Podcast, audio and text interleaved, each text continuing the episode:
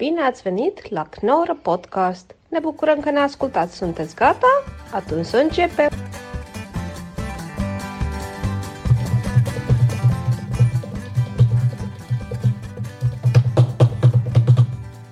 Heel erg mooi. Arjen Posma.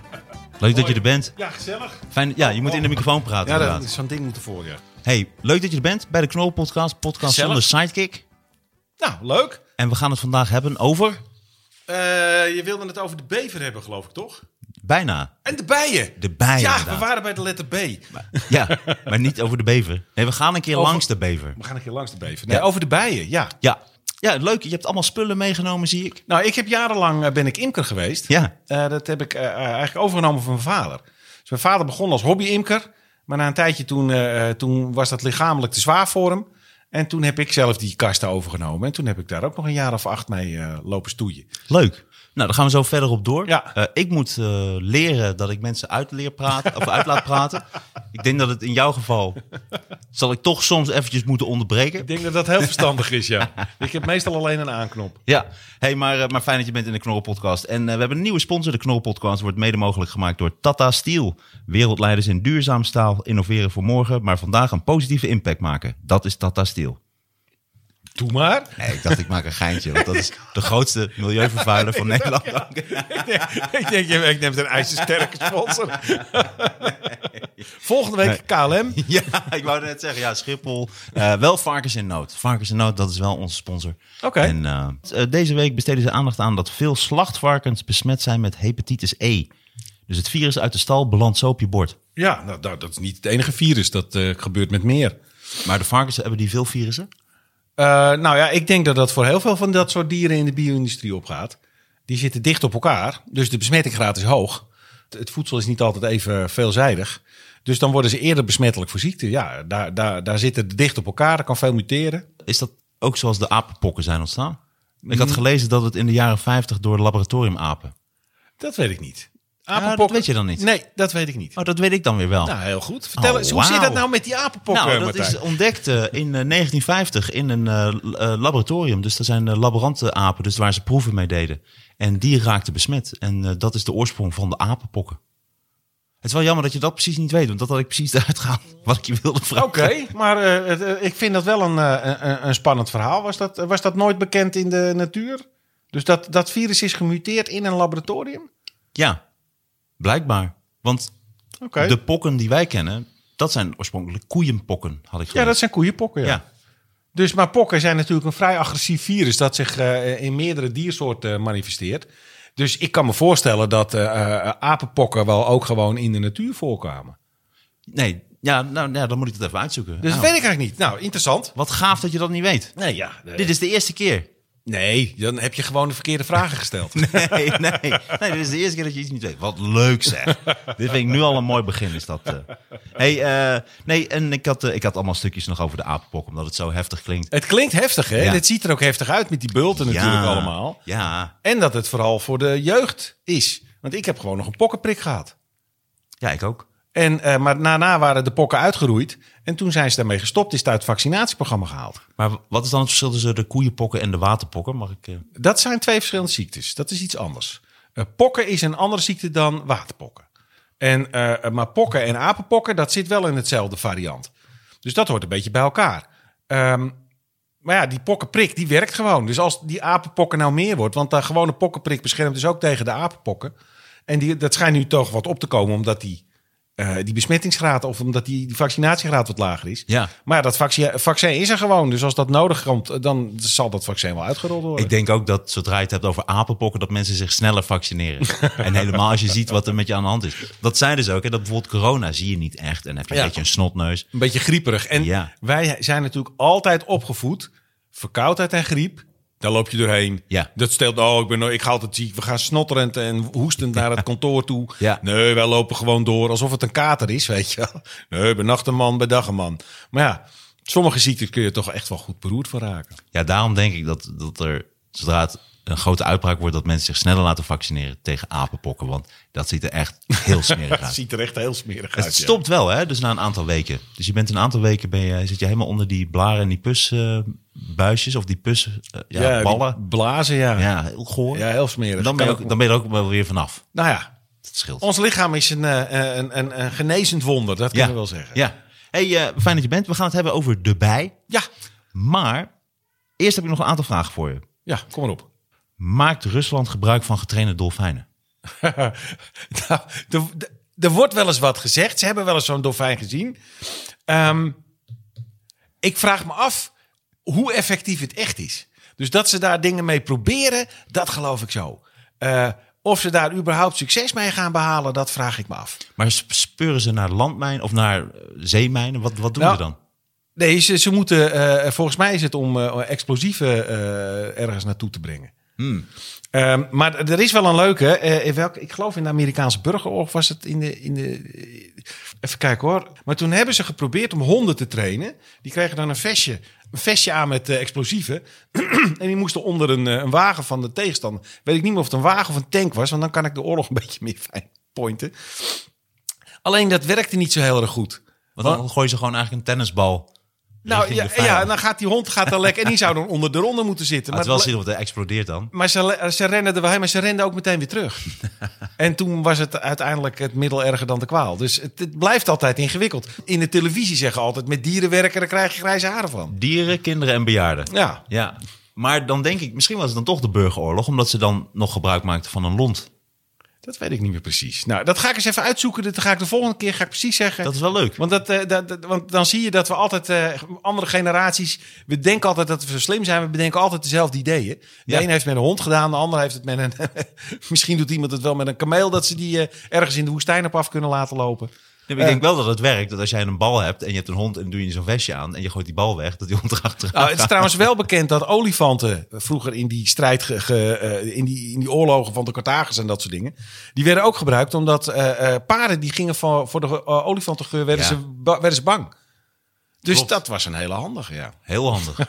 hey, ander dingetje. Eh, wetenschappers hebben- in Australië een plant ontdekt die volgens hen de grootste Oh, ter ja. wereld is. Ja. Het gaat om zeegras dat zich uitstrekt over een gebied van 180 kilometer. Ja, eh, dat is in West-Australië, is dat. Ja, En eh, zeegras, dat is zo'n zo'n plant die zich heel makkelijk met worteluitlopers kan vermeerderen. Dat doet het riet ook. Wij, dat riet doet het ook in de sloot.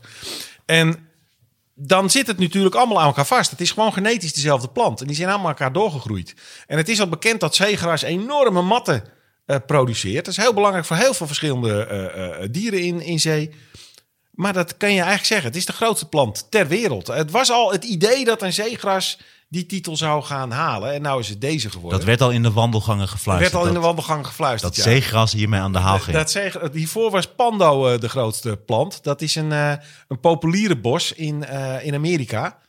En al die populieren zijn ook allemaal uitlopers van dezelfde. En die is Ah. 80.000 jaar oud of zo. Is dat, en die zitten allemaal onder de grond met de wortels aan elkaar vast. Ja, maar het is allemaal hetzelfde. Het is eigenlijk allemaal één grote plant die zichzelf steeds meer vermeerderd hebben. Maar in Wat, hoe heet zo'n boom? Dat, is, dat bos heet Pando, noemen ze het. Het, zijn, eh, het is een soort populier. Populiere bos. En, eh, eh, eh, ehm, Maar zeegras heeft dat nu echt helemaal ingemaakt. maar zeegras heeft dat nu even groot gemaakt. Had jij het verwacht? Nou, zoals ik al zei, er waren al biologen die, ze, die al bezig waren om die zeegrasdingen te bekijken. En het blijkt dat heel veel organismen veel groter zijn dan we denken. Eh, schimmels behoren tot de grootste organismen ter wereld. Hè, er is er eentje ook in Amerika opgemeten, was 11 vierkante kilometer. Ik zie dat jouw voetschimmel is. Nou, en, en die schimmels zijn verschrikkelijk belangrijk. Ze, ver- ze, ze verdelen alles, zitten alles aan elkaar vast. Wat is jouw, wat is jouw favoriete schimmel? Nou, ik ben vooral ik ben gek op bomen. En alle bomen hebben schimmels in Nederland waarmee ze in symbiose leven. En eh, daarom is de stikstofcrisis een probleem. Omdat daar de bodem van verzuurt. En daar hebben die schimmels meteen een groot probleem mee. En als die schimmels doodgaan, dan moeten die bomen het alleen doen. Als jij bijvoorbeeld. eh, Want wat voor een symbiose hebben ze dan? nou, als je, als je nou kijkt, je hebt een, een boom, zeg een beuk. Die beuk die leeft alleen maar in, onder zijn schors. Ehm, de stam is dood materiaal, zoals ons haar en de nagels. Daar zitten wel vaatjes in, daar, wordt het water doorheen heen en weer gepompt. Maar eigenlijk is dat dood materiaal. Als daar een schimmel in komt, dan is die boom ten dode opgeschreven. Want ze hebben geen immuunsysteem, ze hebben geen witte bloedlichaampjes. Dus als daar iets voorbij de schors is gekomen en er komt schimmel in, dan gaat die boom vanzelf dood. Daarom is die schors als een soort regenjas een hele belangrijke bescherming voor die boom. Uh, onder de grond moet je dat ook hebben. Een boom heeft onder de grond eigenlijk net zoveel oppervlakte nodig als boven de grond, want daar al die wortels heen en weer lopen. Die wortels die zitten in de meest schimmelrijke omgeving, want één eetlepel bosgrond zit 1500 meter schimmeldraad in. En die schimmels, schimmels zijn hele gekke dingen, die zitten tussen planten en dieren in. Want het lijkt het leven op een plant, hè? want ze groeien, ze lopen niet. Alleen hun cel is geen plantencel, maar een, meer als een dierencel. Een plantencel heeft een harde laag van cellulose eromheen. Dat heeft een schimmel niet. Een paddenstoel, die hebben dat niet. Um, daarnaast maken planten hun eigen voedsel aan. Met bladgroengorrels en dat soort dingen. Dat doet een paddenstoel niet. Dus een paddenstoel doet net als ons leeft van andere organismes. Maar nu noem je het al een paddenstoel. Nou, het is voor het gemak, maar het is een schimmel. Een paddenstoel is eigenlijk gewoon het appeltje. Maar de schimmel zijn de echte, uh, het, het echte levende ding. En die schimmels zitten onder de grond en die hebben dus voedsel nodig. En die schimmels willen suiker. En die boom maakt suiker. Maar die boom die zit ook onder de grond in die regenjas van die schors. Maar die schimmel wil die suiker. Dus die maakt hele dunne schimmeldraadjes aan. En die boort door die, door die schorslaag heen. En die begint suiker te pikken van die boom. En nou denken wij, dat is zielig voor die boom. Want de suiker wordt gepikt. Maar dat is helemaal niet waar. Die boom heeft die suiker eigenlijk helemaal niet zo nodig. En hij kan veel meer suiker maken dan dat hij ooit zelf nodig heeft. De bomen, de planten zijn de grootste verleiders van de wereld. Die spannen altijd andere organismes voor hun karretje om hun werk te doen. En in dit geval ook. Dus die schimmel begint suiker te pikken. Maar die wil natuurlijk niet dat er andere schimmels ook in die suikerbron gaan lopen roeren. Dus hij maakt om die plek waar die schimmeldraadjes heen maakt, die schimmeldodend middel aan. En dat beschermt die boom dus nog meer tegen schimmels. Het grappige is dat zodra die schimmeldraadjes erin zit, ja, dan gaat die boom aan de gang. Want die schimmeldraadjes, die gaat die boom gebruiken als rietjes. En het is namelijk heel moeilijk om vocht op te nemen door die regenjas van die schors heen. En nu zitten daar die schimmeldraadjes in. En opeens kan die boom tot wel tien keer zoveel water en mineralen opnemen als wat hij daarvoor kon. En daar gaat hij. De grond, bijvoorbeeld als je een beuk in Italië plant, wordt hij niet dikker dan 40 centimeter. Als je een beuk in Nederland plant, wordt hij 2,5 meter dik. Dat is nogal een verschil. In Italië is het te warm voor die schimmel waarmee hij in symbiose leeft. En een, uh, een, beuk heeft er maar één of twee. Maar bijvoorbeeld een eik die heeft wel 25 soorten schimmels met wie die in symbiose leeft. Dus dat zijn dan positieve schimmels? Dat zijn hele belangrijke positieve schimmels. En omdat die hoeveel vijandige schimmels zijn er dan? Als je dan... Oh, die zijn er ook. Maar hoeveel zijn dat er dan? Nou, het aantal soorten is bijna niet te tellen. Dat zijn heel veel soorten en we, leren ook steeds meer van wat er onder de grond zit. Dus daar durf ik geen uitspraak over te doen hoeveel dat is. Uh, maar die boom die werkt in samen met die schimmel. En ze hebben er allebei hebben ze er grote voordelen aan. Um, nou zijn die schimmels onder de grond gigantisch groot. ik zei al in Amerika, eentje die was 11 vierkante kilometer. Nou is het grappige dat als jij de bosgrond gaat bemeten... Dan, en je zoekt bijvoorbeeld naar iets als koper of magnesium, sporenelementen noemen ze dat... dan merk je dat je daar soms wel... Nou, een kilometer hier zit een beetje magnesium, daar zit wat koper en hier zit... Het ligt ver uit elkaar. Ga je echter het hout van die bomen analyseren dan hebben alle bomen precies een klein beetje van die sporenelementen wat ze nodig hebben. Dus gek genoeg is dat als hier magnesium ligt, is dat door dat hele bos heen verspreid. En als het door het hele bos verspreidt, dat is dus door die schimmels gedaan. Die schimmels nemen heel makkelijk dat soort dingen op. En dat wordt daarna verspreid door dat hele uh, bossysteem. Uh, nou klinkt het heel makkelijk alsof dat allemaal bewuste acties zijn. Maar het kan natuurlijk ook gewoon wet van communicerende vaat zijn. Hoe dat precies werkt, weten we niet. Schimmels zijn niet heel intelligent. Dat weten we niet. Dat weten we niet. Er zijn zelfs onderzoekers die nu zijn nu aan het onderzoeken bij, uh, bij bomen. En die claimen dat als je goed naar die grote wortelkluiten kijkt, dat je daar eigenlijk een soort hersenachtige structuur in zit. Maar dit past toch ook bij dat verhaal wat jij vertelde over dat Japanse metrostation? Ja, met die slijmschimmel. Ja. Ja, dus als een slijmschimmel, wat ook tussen planten en dieren in zit, wat een heel gek soort organisme is, uh, als die intelligent gedrag vertoont, dan kunnen misschien andere dingen die we niet zien bewegen. Want bijvoorbeeld vroeger dachten we dat een boom of een andere plant, dat die communiceerde niet. Het staat daar gewoon stil, als een levend robotje. Maar dat is dus niet zo. Het blijkt dat ze wel met elkaar communiceren. Als er één plant wordt aangevreten door een dier, Ja, die vertelde met die giraffen. bijvoorbeeld met die giraffen, maar dat zit in heel veel Maar planten. vertel even, want dan, Eh, dus als een, een, bij een acacia is dat aangetoond, het zit in veel meer planten. Als de ene plant wordt aangevreten, maakt die alarmstoffen aan. En door die alarmstoffen, die worden opgemerkt door de plant die er verderop staat. En die gaat onmiddellijk stoffen aanmaken die zo bitter zijn dat het dier het niet meer lekker vindt. En zo kunnen ze zich beschermen tegen de vraat die eraan komt. Zo waarschuwen ze elkaar. Andere planten die maken eh, stoffen aan waarop de roofinsecten afkomen die de plaaginsecten weer kunnen Ja. opeten. Dus da- daar zit veel meer tussen dan dat we, dat we, door, dat we doorhebben. is, dat, is dat ook bij ons in de, in de tuin? Zit daar ook zo'n plant of een boom die dat doet? Zeker. Maar die je dan net omschrijft als iemand die bepaalde roofinsecten aantrekt? Nou, dat zou kunnen. Maar welke dan? Eh, bijvoorbeeld sluipwespen en dat soort dingen. Hè? Maar die, door welke plant worden die aangetrokken? Nou, dat verschilt per plant. Bijvoorbeeld wolfsmelk, wolfsmelk kan het. Er zijn, maar er zijn maar weinig biologen die er echt onderzoek aan doen. En eh, het is dus moeilijk om te zien of dat... In eerste instantie ontdek je het bij één plant. En dan denk je, wauw, uniek van deze plant. En later ga je ontdekken dat er veel meer soorten zijn die dat ook... Maar het is bij iedere soort net een heel klein beetje iets, werkt het iets anders. Dus het kost heel veel onderzoek voordat je dat helemaal kan uitleggen hoe dat precies zit. Maar daar zit duidelijk iets in, ja. Dus dan zou je ook niet kunnen zeggen, deze boom heeft die bepaalde schimmel nodig. Dus we zetten een bepaalde schimmel op deze boom. Nou, dat kun je wel, niet, niet boven de grond, maar onder de grond kan je dat wel zeggen. Dus een, een, een eik heeft hè, wel, wel, wel 25 soorten schimmels mee die in symbiose leeft. Eh, eh, andere maar één of twee. Maar kun je die dan bijvoorbeeld kopen? Kan ik een bepaalde schimmel kopen voor de bomen in mijn tuin? Nee, maar wat je wel doet, is als daar, tegenwoordig wordt er heel vaak eh, een grond geënt, zoals ze dat zeggen. Dus als jij dan een boom koopt en op de plek dat je die boom gaat groeien, dan moet je daar een biotoop maken met de juiste aarde. En dan kun je ook een zak kopen met de grond van waar die vandaan komt. En daar zitten dus de schimmelsporen in. En zo neem je de schimmel mee die die boom ook nodig heeft waar je hem dan gaat planten. Maar heb je dan niet kans dat je een bepaalde schimmel in je tuin haalt die juist weer catastrofaal is voor andere planten in je tuin? Nee, zo werkt het eigenlijk niet. Het zijn, Nee? toch eigenlijk Oh. allemaal, het zijn allemaal specialisten. Oké, wat relaxed van die schimmel. Dus als er een schimmel is die op zo'n manier samen kan leven met die boom, als je in een symbiose leeft, dan heb je elkaar na een tijdje ook nodig. Maar waarom heeft schimmel dan zo'n slechte naam? Omdat schimmels dingen verrotten. hè?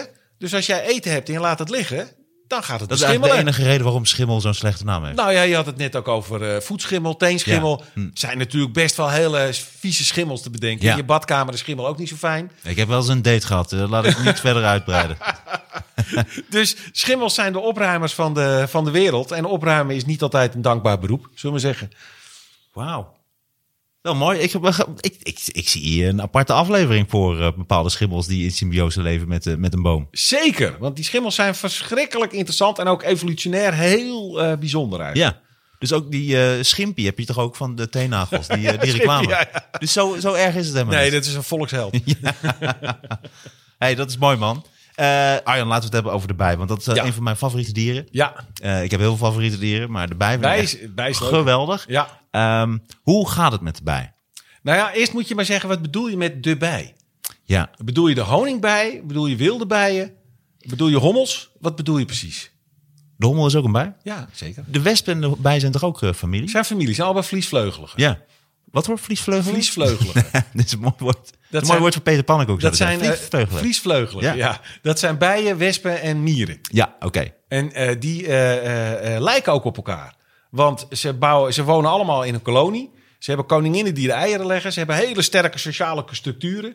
Eh, ze leven ingewikkeld in elkaar. Dus ja, die eh, horen Maar is, bij elkaar. is de wesp dan niet eigenlijk een bij die op een gegeven moment dacht van... hey, fuck dat hele werken en dat gedoe. Ik ga gewoon lekker zelf een beetje rondvliegen. Ik ga Nee, een, wij, een wesp is net zo hard aan het werken als een bij. Maar hebben die ook een kolonie? Maken die ook iets met z'n allen? Ja, ja. Wespen maken een, een, een, kolonie. Nou, niet zo groot als van een, eh, bijvoorbeeld de, de, wat we de limonadewesp noemen... of de Duitse wesp, die, hè, die, die normale die je gewoon ziet in de, De Nederland. Duitse wesp klinkt heel eng. Dit, dit zijn allemaal verschillende. Je hebt de Duitse wesp. Wat is, hoe ziet de Duitse wesp? Heeft die klein, eh, klein helmpje? Nee, hij, heeft geen, hij is gewoon zwart en, zwart en geel. Je moet met een, met een loepje kijken om ze echt te vinden. Dat je zijn tattoos. Hij had altijd één pootje omhoog. maar hoe ziet hij eruit? Nou, gewoon zwart-geel. Gewoon zoals wij een wesp, de cliché-wesp, dat is die wesp. Ehm, die zitten vaak in een kolonie. En een groot wespennest, nou, dat kan een halve meter worden ongeveer. En ehm, of het zit onder de grond, of ze maken het van dat ze het ergens hangend maken van papier-maché. Ja, die ken ik. Als je zo'n riet in je tuin hebt, zo'n rieten scherm, dan hoor je opeens dat geknaag. En dan zie je dat die, die wespen, die knagen dat riet af. Dan komt een beetje speeksel bij en dan wordt het papier maché en dan maken ze een papieren nest. Dus waar eh, bijen was gebruiken, maken zij papier maché. Ehm, het verschil bijen, die zijn eh, eh, verzamelaars, die halen nectar en stuifmeel bij elkaar. En daar leven ze van. Wespen zijn vleeseters. Tenminste, als ze jong zijn. Dus die wespen, daar zit een koningin die legt alle eitjes. De wespen die gaan insecten roven. Ze eh, eten alle eh, vervelende insecten op. Een groot wespennest vangt in deze tijd zo'n 5000 insecten per dag. Ze weg. Dat voeren ze aan een jongen. En die jongen die plassen daar een soort suikerwater vooruit, zoals bladluizen dat doen. En dat is waar die wespen van leven. Van dat suikerwater van die jongen. Een beetje gek dat je, natuurlijk, dat je aan de pamper van je kind zit, dat zit te zeggen, lurken, ja. weet je wel. Maar daar, dat is eigenlijk wat ze doen. Nou, straks schamen ze zich ook niet voor. Helemaal niet. Het is een feestje. Maar straks is het begin augustus. Dan verdwijnt de koningin uit het nest. Samen met de jonge koninginnen, die gaan zich alvast ergens verstoppen. Die zijn klaar, die gaan volgend jaar gaan die weer overnieuw beginnen. Want het volk gaat dood in de herfst. Alleen de koningin overleeft het. Maar die koningin die gaat het nest uit. Hoe oud wordt zo'n koningin dan? Eh, nou, ook me- meestal maar um, hooguit twee jaar meestal. Bij bijen kan het wat ouder worden, kan het meerdere jaren worden. Eh, maar meestal is het, en vaak ook niet het hele tweede jaar. Er komt er wel weer een nieuwe koningin in dat nest. Maar in ieder geval, die, die wespenkoningin gaat eruit. Dat betekent dat er geen nieuwe jonge wespen bij komen. Dus een week later zijn al die larven uitgekomen. En opeens heeft dat hele volk, wat daar op zijn grote zit, Geen suikerwater meer. heeft ten eerste niks te doen, want al die larven zijn volwassen geworden. En ten tweede hebben ze niks te vreten, niks te drinken. En dan gaan ze opeens heel vervelend in de rondte vliegen. En dan gaan ze naar ons, ons flesje cola. Dan gaan ze kijken waar kunnen we suiker vinden. Ah. Dus En het is natuurlijk ook, dat verklaart ook waarom ze dan zo boos en agressief zijn. Want hun hele volk is weg. Ze weten dat ze het is doodgaan. een stervend volk wat er eigenlijk zijn laatste kunstje aan het doen is. En wat eigenlijk ook zijn ecologische zijn werk al gedaan heeft. Dus je moet Want- een beetje medelijden met de in- wesp. ja, want in de natuur zouden die wespen het ook lang niet zo goed overleven. Want op het moment dat die koningin eruit gaat, is er eigenlijk geen suiker te vinden in de natuur. Later valt er fruit, kun je dus wat valfruit vinden. Maar eigenlijk is het volk normaal gesproken, als er geen mensen zijn, zijn ze veel eerder dood dan als er mensen in de buurt zijn. Want dan kunnen ze het nog een tijdje uithouden om van alles op te eten. Wauw. Dus als je in augustus een wespennest hebt, als stel dat je nu een wespennest hebt in je tuin bij je schuurtje, laat je het nu nog lekker zitten. Als je in augustus er last van krijgt, dan laat je een destructor komen, laat je het dan weghalen. Dan hoef je er ook helemaal geen moreel bezwaar tegen te hebben, want dat wespen, dood? en dat wespenvolk heeft zich al voortgeplant, heeft zijn nut eigenlijk al gehad. zijn nu enorme teringlijers. En nu gewoon. zijn het enorme teringlijers geworden, ja.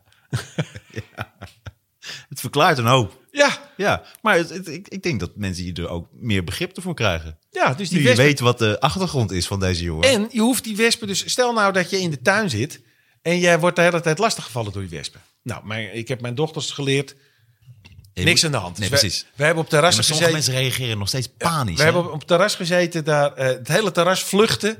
Eh, Iedereen zat binnen en wij zaten met z'n vieren buiten te eten. En niks aan de hand, want die wespen vliegen om je heen. Maar er gebeurt verder niet zoveel. Maar mensen zijn daar doodbang voor. Nou heb ik mijn dochters wel eens heb ik mijn dochters een trucje geleerd. Dat is wel echt een heel leuk trucje. Een wesp kan namelijk niet zo goed achter zich kijken.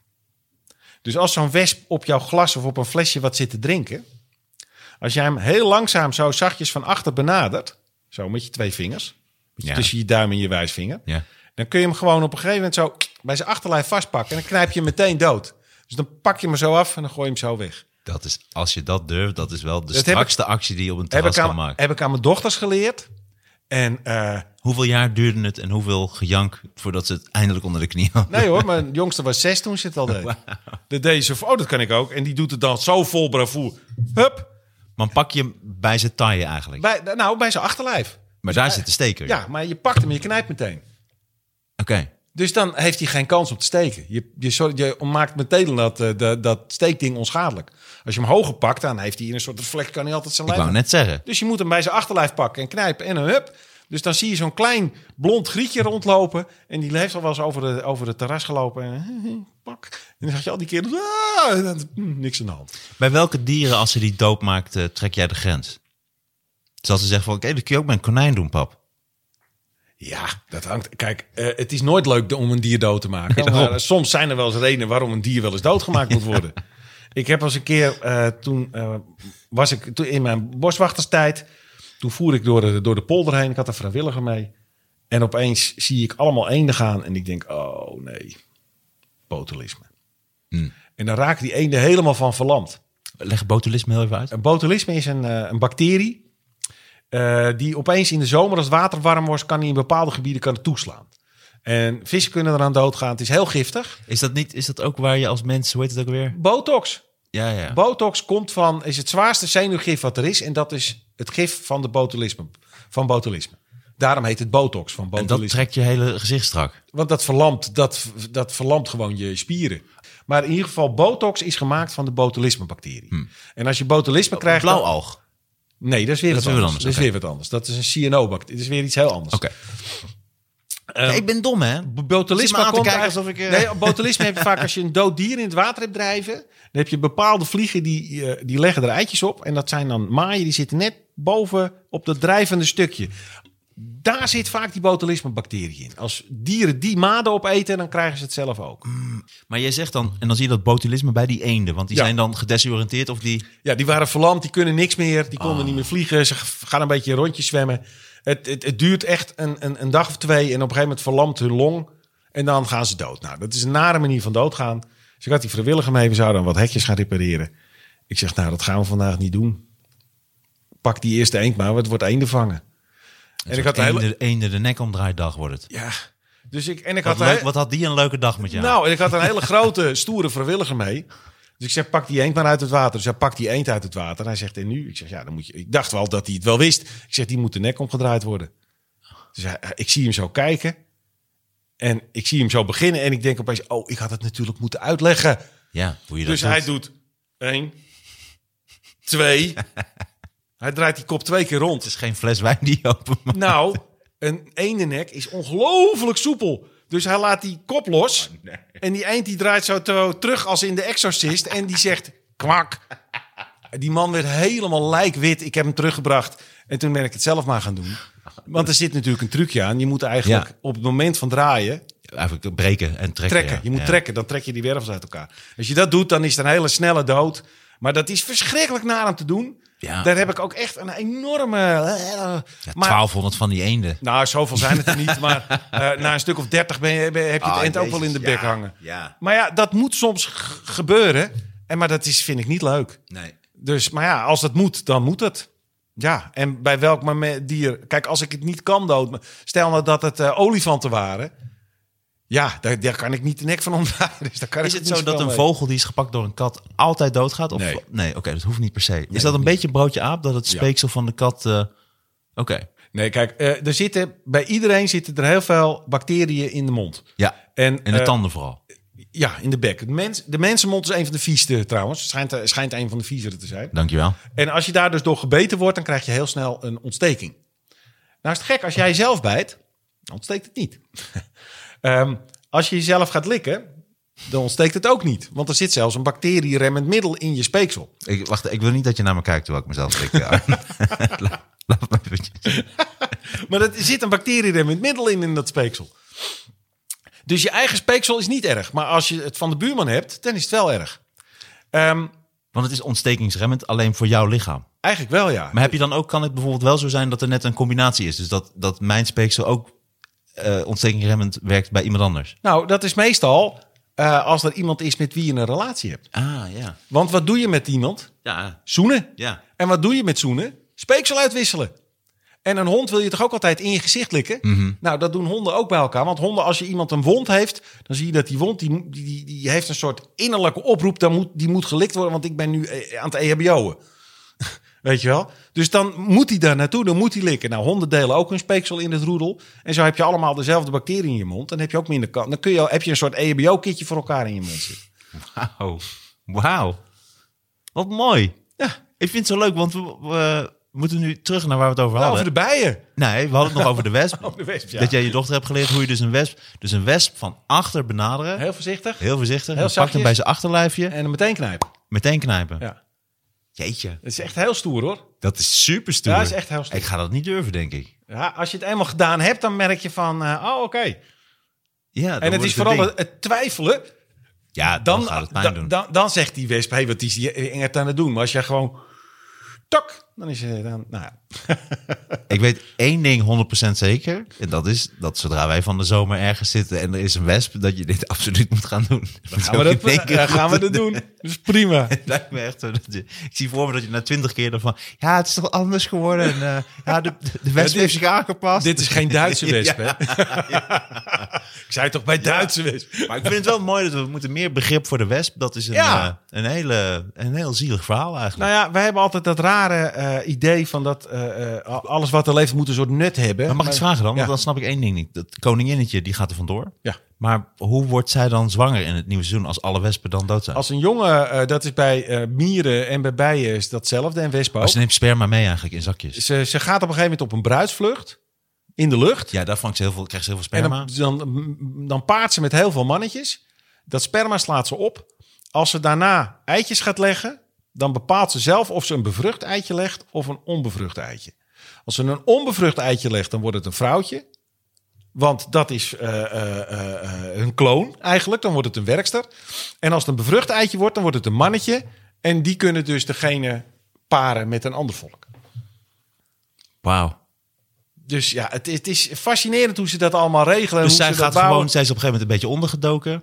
Dan is het winter geweest, neem ik aan. Ja. Dat heeft ze overleefd ergens. Dan zit ze ergens onder of in de grond ook, Ja. of wat dan ook. En dan komt ze naar buiten. En En dan gaat ze vliegen. dan heeft ze twee, twee grote Dik van de Broek tassen vol sperma. Dat heeft ze dan mee. Dat heeft een, een, en dat zie je ook bij hommels. Daarom in het vroege voorjaar, eind februari, dan zie je vaak van die enorme hommels vliegen. Ja.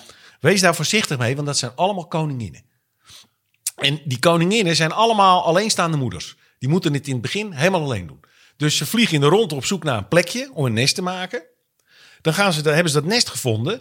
Dan moeten ze daar een paar celletjes maken. Dat doet een wespenkoningin, moet er ook mee beginnen. Dan gaan ze eerst zelf voedsel zoeken om die paar cellen te kunnen voeden. En als daar de eerste uit geboren worden, dan heeft ze werksters. En dan hoeft ze niet meer de nest te verlaten. En dan blijft ze gewoon alleen met het nest eieren leggen. Wauw. Dus in het voorjaar, als je die hele grote ziet vliegen, zowel hommels of wespen, dat zijn allemaal koninginnen. Nou maak ik zelf wel eens een hommelkastje. Dat is hartstikke leuk. Neem je gewoon een grote terracotta pot. Zit ook een darkroom in, het hommelkastje? Ja, eigenlijk wel. Het is eigenlijk een grote darkroom met een gluurgaatje. dus je neemt een grote terracotta Daar pot. sta, je, daar sta je dan voor, hè? Ik wel. Maak je een groter gaatje aan de onderkant en doe je zo'n geribbelde, flexibele plastic eh elektropijp in. Dan graaf je die pot, die graaf je half in de, in de grond in. En eh, zodat die pijp die je daar onderin gemaakt hebt, dat die naast die pot uit de grond komt. Ehm, daarna maak je een houten deksel die je er bovenop legt. En ik leg er dan ook nog tussen die houten deksel en die pot een laagje plexiglas. Dan heb je een observatiekastje. Dus dan kun je hem open doen en dan kun je erin kijken. Nou, die moet je dan eh, eind februari in de grond in je tuin ingraven, zoals die koninginnen gaan rondvliegen. Nou, dat heb ik een paar jaar geprobeerd en het lukte nooit. Tot ik uiteindelijk de truc gevonden had. Die koninginnen, zo netjes als zo'n bijenkast is, zo'n hommelkast is een anarchistische rotzooi. Dus bij die bijenkast, daar zijn alle celletjes staan keurig naast elkaar.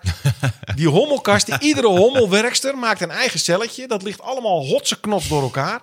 Daarna gaat die ene hommel gaat ook een bijenbroodje maken. Een beetje nectar, een beetje stuifmeel. Roept ze de koningin. En dan gaat dus iedere hommel doet dat volledig op zijn eigen houtje. Teringzooi. Gewoon een klerenbende. dus die willen ook een beetje een bende hebben als ze die holte vinden. Ze zoeken eigenlijk een oud muizennest. Jij maakte het er netjes. Ja, want dat vertelde je mij. Ja, klopt. Maak er, en nou, toen ben ik naar de dierenwinkel gegaan. En dan vraag ik bij de dierenwinkel, als jullie de muizenkooi eh, verschonen, mag ik zo'n muizennest? En dat stop ik dan in die terracotta pot. En dan komt die muizige lucht, die komt dan uit dat gaatje. En dat is precies de geur waar die koninginnen op afkomen. En dat doe je in februari. En als je dat in februari erin, dan heb je toch een hele grote kans dat een maand later daar een, een beginnend volkje in zit. En daar kun je de hele zomer naar kijken. En tegen augustus verlaat dat volkje het. Nou, een bijenvolk is 5 tot een wespenvolk is 5 tot 10.000 wespen. Een bijenvolk kan tot 60, 70.000 bij zijn. Een hommelvolk is zelden meer dan 200 hommeltjes. Ja, dat zijn heel groot natuurlijk. En ze, zijn, ze, ze, ze hebben wel angels, maar ze prikken eigenlijk niet. Je kan daarnaast gaan zitten picknicken. Je kan er met je kinderen in gaan zitten kijken. Het is vreselijk grappig om te doen. Is Ja, en het is het altijd leuk als een hommel in een bloem zit om dan de bloem dubbel Ja. te klappen. Dus dat je de bloem zo met je hand pakt en dan plak je de plaatjes bij elkaar en dan, zo, en dan laat je hem weer los. Nou ja, en zo, zo als je een hommel in je hand hebt en je, je houdt hem, doet je hand dicht, dan heb je dikke kans dat hij helemaal niet steekt. Terwijl een wesp dat meteen zou doen, maar een hommel helemaal niet. En ze hebben inderdaad een dikke bontjas aan. Want ze komen tot eh, voorbij de helft van Noorwegen komen ze voor. Tot bijna tegen de toendra aan komen hommels voor. Dus het is echt een bontjas wat ze Het is echt een bontjas. En die bontjas is heel belangrijk. Want die eh, haren, daarmee verzamelen ze het stuifmeel. Dus ze Het hebben... blijft er allemaal aan plakken en hangen. Ja, want ze hebben nectar nodig voor, dat is voor de energie. Maar eigenlijk is stuifmeel belangrijker, want het is de eiwit voor de jongen om op te groeien. Zonder stuifmeel komt er geen jong volwassen. Maar zijn hommels dan niet de beste bestuivers die je kan hebben voor je tuin? Ja, die zijn beter dan eh, gewoon honingbijen. Ehm, en als zo'n zo'n hommel een, eh, een bloem invliegt, al dat haar, dat is statisch. Ja. Dus zodra die die bloem invliegt, dan vliegt al het stuifmeel vliegt op die hommel af. En er zit helemaal onder. Bij bijen werkt het ook, maar een hommel heeft gewoon veel meer haar. En dan heeft hij op zijn achterpoot heeft hij een soort kammetje zitten. En dan kampt hij, kampt hij daarmee door die haren heen. En dan worden al die stuifmeel wordt naar zijn achterpoten gekampt. En, of op, ja, op voorpoot heeft hij een kammetje. En aan de achterpoot zit dan een plek waar ze de stuifmeel opslaan. Op een gegeven moment krijgen ze van die grote klont en dan kunnen ze het meenemen. Dus ze kammen het van hun eigen lijf af. Omdat ze net een andere spanning hebben dan de bloem. Wauw. Ja, en nou zijn honingbijen, die zijn veel efficiënter dan hommels. Dus daarom kunnen ze veel grotere volken maken, ook omdat zij een wintervoorraad overmaken. Bij hommels en wespen gaat het hele volk dood. Bij bijen blijft het hele volk leven. En daarom hebben ze een voorsprong in het volgend voorjaar. Want ze hoeven niet iets uit nul, nul te beginnen. Dus die bijen die kunnen dat veel efficiënter. Maar net zei je dat dan binnen zes weken zo'n heel bijenvolk dood is. Ja, en dan is het vervangen. Ah, het volk blijft bestaan. Ja, natuurlijk. Ja, sorry. Ja. Alleen de individuele bijen zijn dood. En de rest is allemaal vervangen. Want een bij wordt maar zes, zeven weken. Nou, hangt er vanaf. Hij kan maar drie weken vliegen. Ah, Een bij wordt geboren, dan gaat hij eerst in de kast werken. Ze gaan eh, raadjes maken, jongen verzorgen, de koningin verzorgen, eh, temperatuur, noem, noem alles maar op. Ze hebben heel veel werk. Drie weken lang. En dan na drie weken, dan gaan ze vliegen en dan gaan ze honing halen of nectar halen. Na drie weken vliegen zijn de vleugels versleten en dan mogen ze niet meer de kast in. ja, want dat vertelde je ook laatst. Dat vond ik zo mooi. Dat bijen eigenlijk helemaal niet goed kunnen vliegen. Volgens de wetten van aerodynamica zouden ze, en hommel helemaal, die zouden eigenlijk niet kunnen vliegen. Die vleugels zijn eigenlijk te klein. Maar ze doen heel erg hun best. Ze vliegen heel snel. En we komen er nu ook achter dat de klassieke aerodynamica eigenlijk ook... eh, er zijn meerdere manieren van vliegen. Eh, bijvoorbeeld een vlinder, die vliegt heel anders dan een vogel. Een vogel die vliegt doordat zijn vleugel een, een vorm heeft. En dan krijg je eh, boven de vleugel als het ware een gebied met lagere druk. En daardoor wordt het ding omhoog gezogen. Een vlinder, die vliegt heel anders. En als je die ziet met die vier vleugels die zo gaan, dan denk je van, nou, dat is een vlieger van niks. Dit is een van de allerefficiëntste vliegers in het Je vliegen. doet het heel mooi na. Het is een van de meest efficiënte vliegers in het dierenrijk. Hij heeft het minste energie bij hem misschien wel nodig om in de lucht te blijven. En zo kunnen ze bijna de hele wereld Hoe, overvliegen. hoeveel zaken zijn eh, gebaseerd op vlinders dan? bedoel je? Nou, is, is daar de aerodynamica en hebben ze eh, machines en dingen gemaakt die gebaseerd zijn op nee, dat willen ze nu. Dit is allemaal nog niet zo lang bekend. Ah, want wat Eh, maakt de vlinder dan zo bijzonder dat hij het zo Een vlinder, effectief doet? Een vlinder is het slimmels gezegd, die roeit door de lucht. Hmm. Als jij in een roeiboot zit en je trekt met je, eh, met je peddels een slag door het water heen, dan krijg je toch van die draaikolk in het water. Als een vlinder met zijn vleugels slaat, dan krijg je ook van die draaikolken in de lucht. En op die draaikolken blijft hij drijven als het ware. Daar, daar blijft hij op hangen. Wat bijzonder, joh. Ja, dus dat is een heel andere manier van hoe, de, hoe ze op de lucht... Dus ze blijven veel meer hangen. Dus ze hebben veel... meer- Daarom zie je ook een vogel en een bij... die moet echt eh, heel hard vliegen. Maar zo'n zo'n vlinder zie je eigenlijk verrassend weinig slagen geven. En dan gaat hij weer een tijdje. Dus ja, het is, het is fascinerend. Nou, om even terug te gaan naar die bijen... die zo super efficiënt zijn... Ehm, dat zie je ook in het voedselzoek. En daarom zijn ze voor de landbouw is een hommel een betere bestuiver. Tegenwoordig gebruiken ze allemaal hommelkastjes in plaats van bijenkasten. Want zo'n bijenvolk is wel heel groot. Maar die sturen verkenners uit om te gaan zeggen waar ze honing moeten gaan halen. En daarna wordt het ze verteld. Dat is fantastisch, want dat, is, dat doen we de bijentaal. Dan gaan ze in een dans ronddansen. Ja, dat vind ik even leuk om bij stil te staan. ja. Eh, Kan dat nu of Ja, straks? ja. Nee, dat ga ik nu doen, want die bijentaal is fantastisch. Ja, want zij dansen. Wij noemen het de bijendans. Ja. Dus ze gaan in een vorm, ze gaan op de raad, in de kast, in het donker, gaan ze een dans maken. En die dans is in de vorm van een acht. En op het moment dat ze over het kruispunt van hun acht lopen in het midden, dan schudden ze met hun kont. De waggle. De waggle waggle, dance. Ja. En wat blijkt nou? dat de eh, richting waar die waggle heen is, dat is de afstand of dat is de richting waar ze naartoe moeten vliegen. Ehm, dat is wat abstract, want die raadjes die zijn dwars. Het staat niet altijd even goed, dus ze moeten Ik zie echt zo'n wetenschapper voor me die echt zo in zijn handen appla- echt zo applaudisseert s'avonds thuis. Van ik heb het, ik weet wat ze doen. Echt, ja, het is echt, het is fantastisch. Maar de- die geeft dus aan van, eh, als hij waggelt, die kant op. Maar de grootte van de acht geeft aan hoe ver het is. Hoe groter de acht is, hoe verder de afstand. Maar omdat die bijenkast, en ze zitten daar op die raadjes, die staat altijd één kant op. Dus hij kan vaak niet zomaar alle kanten op be- bewegen. Hij moet het een beetje abstraheren. Dus die bij, die maakt een als hij tijdens die dans is en hij geeft die waggle, dan geeft hij met die waggle aan welke hoek je met het zonlicht hebt. Welke hoek je met de zon hebt om de richting te gaan vliegen. En als die bij daar een uur staat te dansen, dan past hij die dans aan omdat de zon na een uur op een andere plek staat. Jezus. En zo kunnen ze op de, eh, eh, op de, eh, de centimeter vertellen waar zij een voedselbron kunnen vinden. Dat betekent dat als jij een boomgaard hebt en je zet er een bijenkast bij, ja, dan toch is dat minder goed dan met hommels. Want die bijen zijn zo efficiënt dat ze eigenlijk alleen maar naar de zonkant van de boom vliegen, want daar zit het meeste nectar in. Een hommel, die heeft niet zo'n heel volk die met elkaar afspreekt van nu gaan we dat doen. Een hommel vliegt eens lekker naar buiten. Die ziet een bloemetje en die gaat gewoon alle bloemetjes af. Ja. Dus als je er een hommelkastje bij zet, dan gaat uiteindelijk is iedere bloem op die appelboom is bevrucht. En bijen gaan alleen naar, de, naar degene waar ze echt het honing uithalen.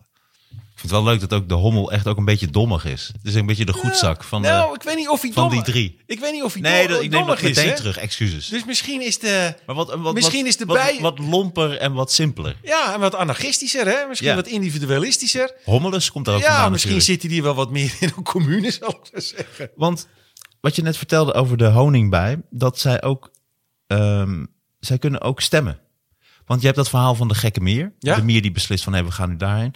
En ik had dus gelezen dat zij dus met z'n allen ook gaan beslissen waar ze dan naartoe verhuizen. Dus dat, Dat er klopt. komen Ja. er meerdere werksters, Ja. die ontdekken een mooiere plek. We weten nog niet En die gaan dan ook dansen. En op een gegeven moment gaan ze de dans ook overnemen. En dan gaan meerdere... ja, en we weten nog niet precies hoe dat nou, eh, hoe dat nou precies in zijn werk eh, eh, gaat. Ehm, maar dat is als ze gaan zwermen.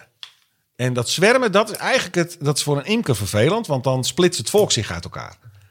Eh dus een enorm indrukwekkende gebeurtenis is dat. Stel je voor, je hebt- soort relatie tussen de imker en de bij. nou, stel je hebt een kast staan en je, je hebt niet genoeg ruimte gegeven en opeens gaat het volk zwermen. Later. En dan komen er binnen vijf minuten komen er gewoon 20.000 bijen uit die kast die daaromheen vliegen. Het is echt een enorm indrukwekkend gezicht. Maar wat gebeurt er nou?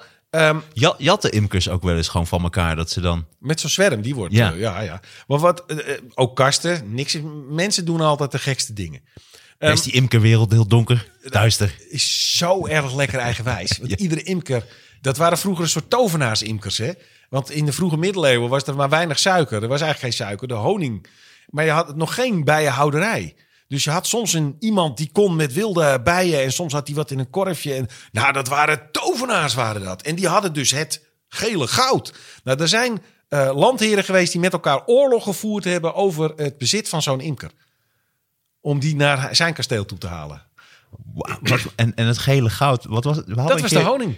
Ja, we hadden nog een keer iets met het gele goud. Wat was dat ook alweer? Het bruine goud. Dat was de, Het bruine goud, dat is dat de stront. Ja, Dat is de stront. Ja, daar had je over, het bruine goud. Dat is wel leuk. Dus we hebben het bruine goud uit de vorige aflevering.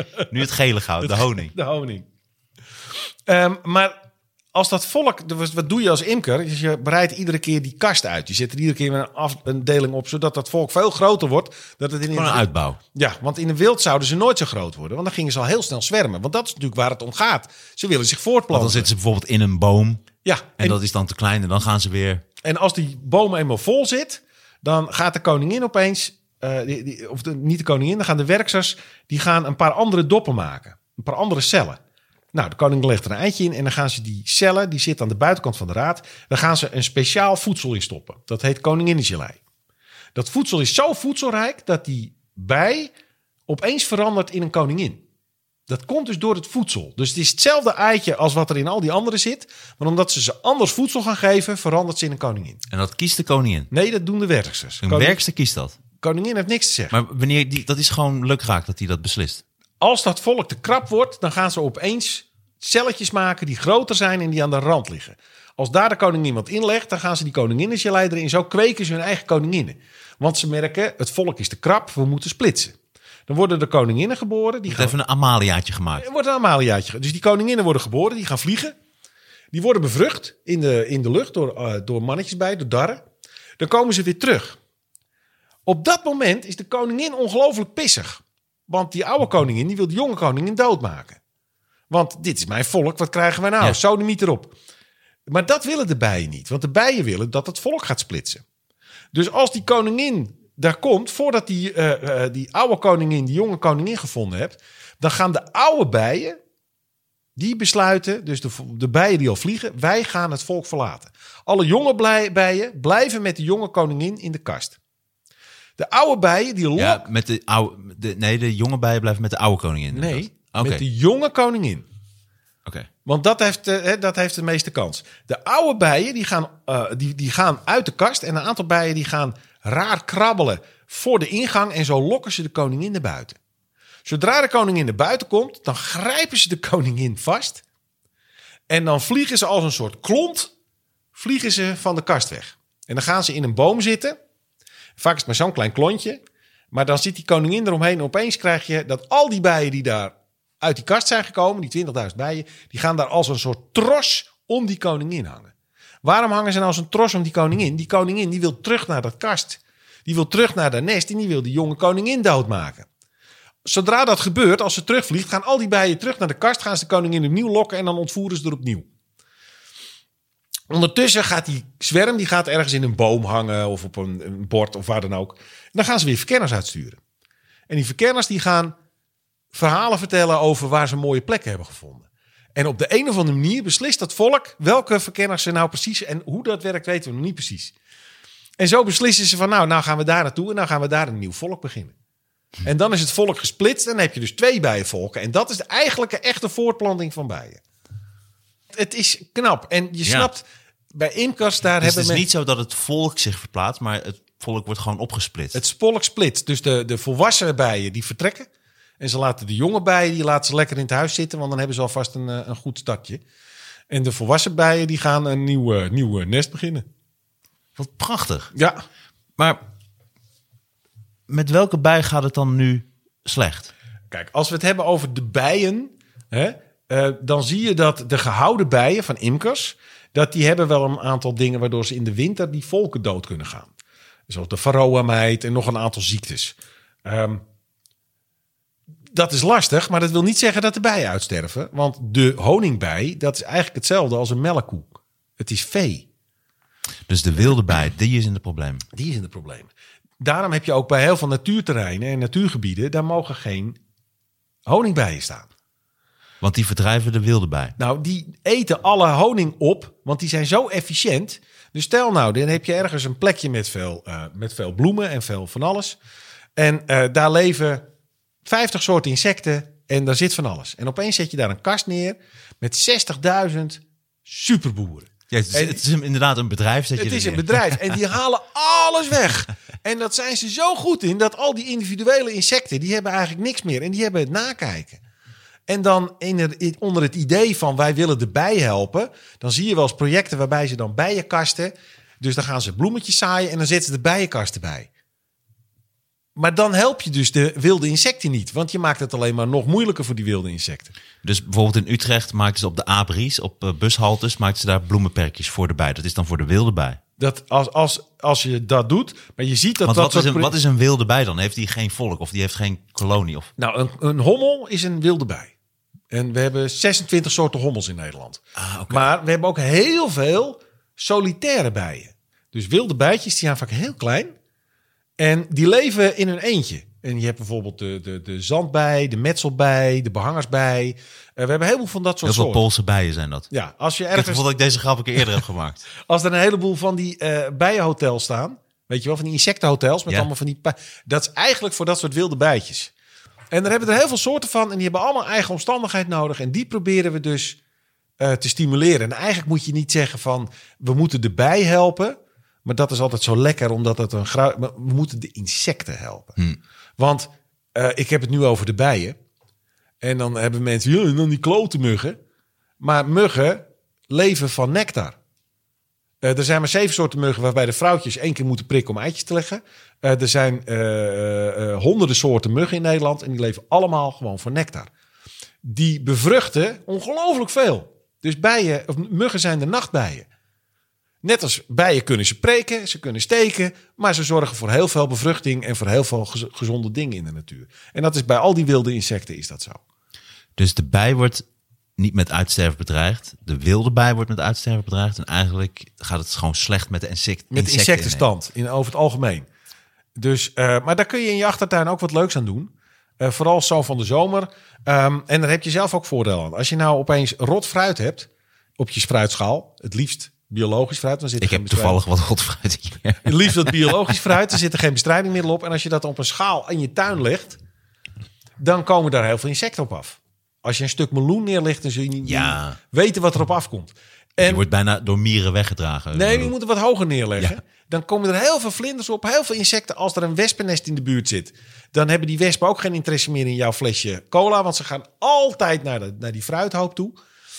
En s'nachts kun je er ook gaan kijken, want dan ieder uur heb je een andere groep nachtvlinders die daar weer van zit te eten. Dus op zo'n manier kan je, voordat je het allemaal de groene kliko ingooit, kan je het nog even een tussenstop geven. Ja, want daar wou ik nog even heel snel iets over zeggen. Want jij had ook gezegd dat je je buitenlamp s'nachts uit moet doen. Ja, Want daar knallen al die insecten op. Ja. Die aangetrokken worden door het licht. Ja. Maar die worden dan zo eh, energiek en die blijven daarop doorvliegen dat ze gewoon doodgaan. ja.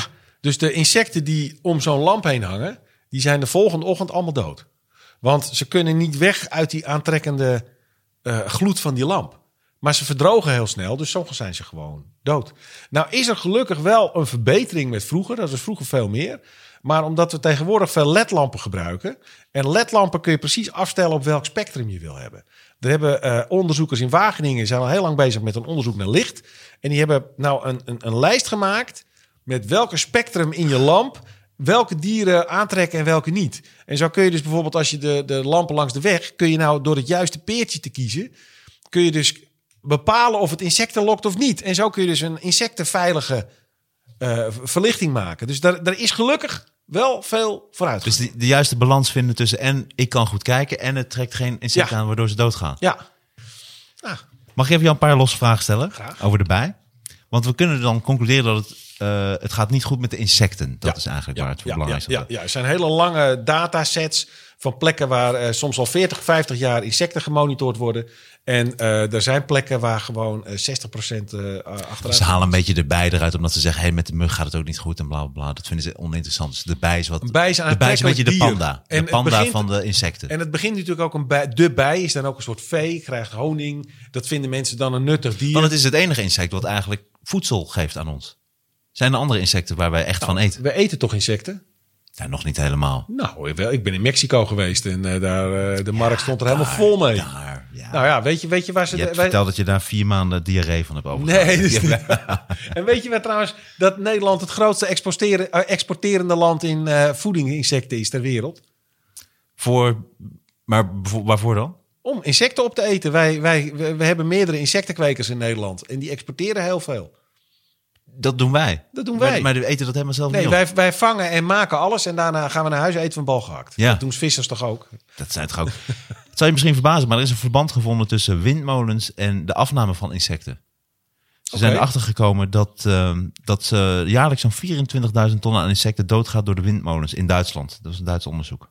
Oké. Insecten maken gebruik van de hoge luchtstroom om te migreren. Hierdoor raken ze verstrikt in de energiestroom die windmolens opwekken en slaan te pletten tegen de wieken. Dat kan. Eh, je ziet ook dat alleen eh, de, de, de uiteinde van die wieken gaat zo hard... dat je daar vaak een soort drukgolf krijgt. Daar hebben ook eh, vleermuizen last van. Want die drukgolf die kan genoeg zijn om hun longen een bloeduitstorting te geven. Zo. Ja. Dus, dus ben jij voor of tegen windmolens? Ehm, ik snap dat we met z'n allen zo snel mogelijk van de olie af moeten. Ik heb het idee dat, dat er slimmere ideeën zijn dan alleen met windmolens. Eh, eigenlijk zijn windmolens natuurlijk nog steeds de techniek van 1500 jaar geleden. Die Ja. eh, eh, Het oogt wat ouderwets inderdaad. Ja, we hebben Er, het is nog steeds gewoon een, een, een, dat ronddraaiende ding. We hebben er een dynamo op gezet. En that's it. Het is hetzelfde als dat we zeggen we hebben een kerncentrale. Maar in feite is de kerncentrale gewoon een stoomketel. En het is dezelfde stoommachine waar we nu nog steeds stroom mee opwekken. Alleen de verwarmingsbron is atoom. Ja. Dus ja, zo maken we het allemaal wat ingewikkelder dan Ja. het is. ja, als je het zo stelt, inderdaad, is echt de windmolen wel een beetje dom, inderdaad. Een beetje ja. ouderwets. Dus er zijn, heel veel, er zijn misschien dingen die, waar we beter op kunnen doorgaan. Dus ik snap dat er nu veel neergezet wordt. Maar eh, eh, eh, het, het is heel veel onderhoud. Het is moeilijk om later om ze te recyclen. Dus ik, ik hoop dat dit een, een, een fase is en dat we straks wat nieuw, wat, wat beters kunnen gebruiken. Wat slimmers. Ja. Honingbijen worden ook gebruikt als bomdetectoren. ja, dat Hoe klopt. cool is dat? Ja, het blijkt dus dat je bijen kan trainen. Bijen eh, kunnen heel goed ruiken. En eh, als je eh, ze een geurtje, dus dan sluiten ze ze op in een soort harnasje. Ja, het ziet er heel gek uit. En dan geven ze die bij een geurtje en tegelijkertijd een klein beetje zoetigheid. En dan krijg je een Pavlov-reactie. Dus die bij, als hij daarna dat geurtje ruikt, dan steekt hij zijn tong uit. En zo kun je dus zien of er dus bijvoorbeeld explosieven in zitten, maar ze zijn het ook aan het gebruiken voor. Ja, weet het zo. Dit staat er echt inderdaad letterlijk. Ze, de trainers die eh, belonen ze met eh, suikerwater. Ja. En eh, wanneer, dat dus een, wanneer ze dat dus goed doen, dan steken ze hun tong naar Steken ze hun tong uit. Ja. Omdat ze, ze, ze hebben het klusje geklaard en ze willen beloond nou, worden. ze ruiken dat, dus we wachten, nou komt er een druppel. Dus ze zijn er gewoon op Hebben voorbereid. ze dan een vergrootglasje? Want of hoe goed kun je een tong van een bij zien dan? Nou, dan moet je wel een vergrootglasje. Maar het is een rood, een rood, een rood tongetje. Dat is een hele mooie. Nog even één vraagje. En dat is eh, natuurlijk bijen kunnen in een zwerm een figuur maken. Dus als ze boos zijn, bijvoorbeeld een vuist, weet je wel. Dat je ook wel eens in een serie ziet. En welke, welke figuren maken ze nog meer? Dat zou ik eigenlijk niet weten. dat zou ik eigenlijk niet weten. Ik heb volgens mij alles gevraagd. Kun je gestoken worden door de koningin Ja, van een bij? ja, En gaat ze dan dood? ja. Ah, Eh, alleen bij een zoogdier. Hè? Ehm, als jij een splinter in je huid krijgt, dan moet je flink trekken om die splinter eruit te krijgen. Dat komt omdat onze huid, als daar wat ingestoken wordt, dan doet hij ah, en dan knijpt hij het vast. En dan zit het dus vast. Dus als een bij ontsteekt of een wesp, dan blijft hij gewoon gegarandeerd vastzitten. Nou heeft een wesp heeft een gladde angel, want die steekt heel vaak. Een bij gebruikt hem alleen als noodweer. Dus een wesp heeft een angel met weerhaakjes. Dus die blijft nog beter zitten. Maar dat is eigenlijk om insecten lastig te zitten. Eigenlijk zijn die angels alleen maar om insecten te kunnen verjagen. Tegen zoogdieren werken ze niet zo goed. Wel voor ons, van, ah, want het prikt. Maar ze scheuren zichzelf kapot. Ze zijn ten dode opgeschreven als ze ons prikken. oké. dus dat maakt niet uit of het is. Dus het is alleen weer bij ons. Ja, Jeetje, dat is ook weer bijzonder. Ik blijf het altijd bijzonder vinden als jij... eh, eh, nou, hoe kunnen we erbij helpen in onze tuin? Dat hebben we wel een beetje... eh, dat heb je verteld. Dus eigenlijk hommelkastjes en, eh, en muizennesten. en eh, bloemen. Ja, ook heel belangrijk. Ja. Ja, en zo helpen we eigenlijk alle insecten. Dat, en dat, is- dat werkt het beste. We moeten altijd uitkijken dat je één dier uitkiest als symbool. En dan ga je van dat dier dan een soort heilige maken. De panda. Bijvoorbeeld de panda. Ja. En dan is de rest allemaal niet meer interessant. En dat schiet natuurlijk niet op. Dat doen we ook met weidevogels en met dat soort dingen. Dat schiet niet op. Je moet eigenlijk het hele systeem beschermen. En dan komen die soorten er ook wel bovenop. Ja. Arjan, ik vond het fantastisch dat je er was. Ik heb weer aan, aan één stuk door weer naar je geluisterd. eh. Nou, mooi zo. Een bijzondere fan ben je ook, hè? ik vond het gezegd. Nou, ik ben gewoon een eh, oude hoer. ja, nee. Je bent een goede ouwe. hoer. nou, kijk, dat En zijn de beste. En onze wisselwerking is er ook oké. Heel gezellig. Heel gezellig. Ja, want ik, eh, ik, ik onderbre- En nu ben ik ook beter met onderbreken. Ja, leuk. Ja, ik vind Ja. het heel moeilijk. Dat, dat, Oké, ik ben Weet ook... je, wat, weet je wat ook moeilijk is? Ik moet dan ook niet te veel van... Wauw, inderdaad. Ja, nee, dat nee, moet je nee. ook niet zeggen. Je moet maar gewoon meepraten. ja, En eh, eh, eh, zet me maar een beetje scherp. En dat je zegt, hé, is, is dat nou eigenlijk niet onzin? Ja, dat, mag Ja. Je dat vind ik alleen maar leuk. weet je dat niet? En daarom is het leuk als we het een keertje buiten doen. Nee, dat gaan we doen. We gaan... Want dan, lopen, plan- we, Ja. strui- dan struikelen we over de verhalen. Ja, ja maar, want jij hebt dus ook meegenomen, zie ik. Want naast alle imkerspullen die je mee had en een echte hele bijenkast en twee bijen zie ik ook in een klein kokertje. Wat leuk. Eh, heb, je ook, heb je ook je meegenomen die je al eh, heel veel gebruikt? Nou, nog helemaal niet. Want ik ben zo'n slechte. Ja, ik dus ook. het is verschrikkelijk. Je bent een slechte digibet. slechte digibate. ja. Ja. Ja, echt, echt een hele erge. Dat zit er nog onder, die dingen. Ja. Ik, eh, ik vind het heel interessant, want we gaan sowieso... Volgens mij zit er dus bij mij achter een eh buizerd eh, ja? paardje. Ja? En de bever. Maar dan blijven we overnachten, toch? Dat was je ja, dan gaan we een keertje naar de grote rivieren. Dan gaan we aan een kampvuurtje zitten. Ja, dat is cool. Dat lijkt me leuk. Ja, dat lijkt me heel erg leuk. Ja, ik vind bevers ook echt ontzettend leuk. Leuke dieren ook. Het van alles. Otters vind ik toch leuker. Nou, bevers zijn fascinerender. Nou, daar kunnen we dan eh, over praten. Want bevers, die, dat zijn omgekeerde Nederlanders. Wat dan? Nou, wij graven slootjes om het water kwijt te maken. ja. Zij graven slootjes om het land onder water te zetten. Maar ze doen hetzelfde. Ze maken dammen, Ja. ze bouwen graven slootjes, Ja. ze maken tunnels. Ze zijn non-stop bezig. Ze maken weggetjes, ze maken huizen. Dus het is, het is echt net zo nijver als een Nederlander. Alleen zij willen alles nat en wij willen alles droog. Ja. Het mooi. Mooi omschreven. Nou, dat gaan we dan ook doen. En er nog één. Nou, die, komen er nog bij. Ach joh, er is overal... eh, de- de- moet je mij eens over vissen laten vertellen. Nou, daar gaat de wereld voor je open. Of over aardappels. Ik moest nog zo lachen toen ik jou bij half acht zag dat ik jou aankwam lopen. En toen was jij met zo'n redacteur aan het praten. En toen Ja. kwam ik aanlopen en toen hoorde ik jou zeggen... En daarom is de aardappel een van de meest veelzijdige die er Ik weet niet eens meer dat ik dat gezegd heb. Ik kan me er helemaal niks mee Gewoon tegen die arme jongen een half uur over. Zij, zij lopen me de hele dag lastig te vallen. Dan krijg je er ook nog een keer wat voor terug natuurlijk. Maar het was zo'n mooie timing. En daarom is de aardappel een van de meest veelzijdige... Nou, als je achter me aanloopt, dan krijg je zo'n zinnetje om de paar Ja, minuten ja, te horen. Leuk. Arjan, fijn dat je er was. Ik zie je heel snel weer. Top. En eh, eh, ja, dames en heren, dit was de Knorren Podcast. Podcast zonder sidekick, mede mogelijk gemaakt door Varkens in Nood. Tot de volgende keer. Ja, Is dat je laatste wat je?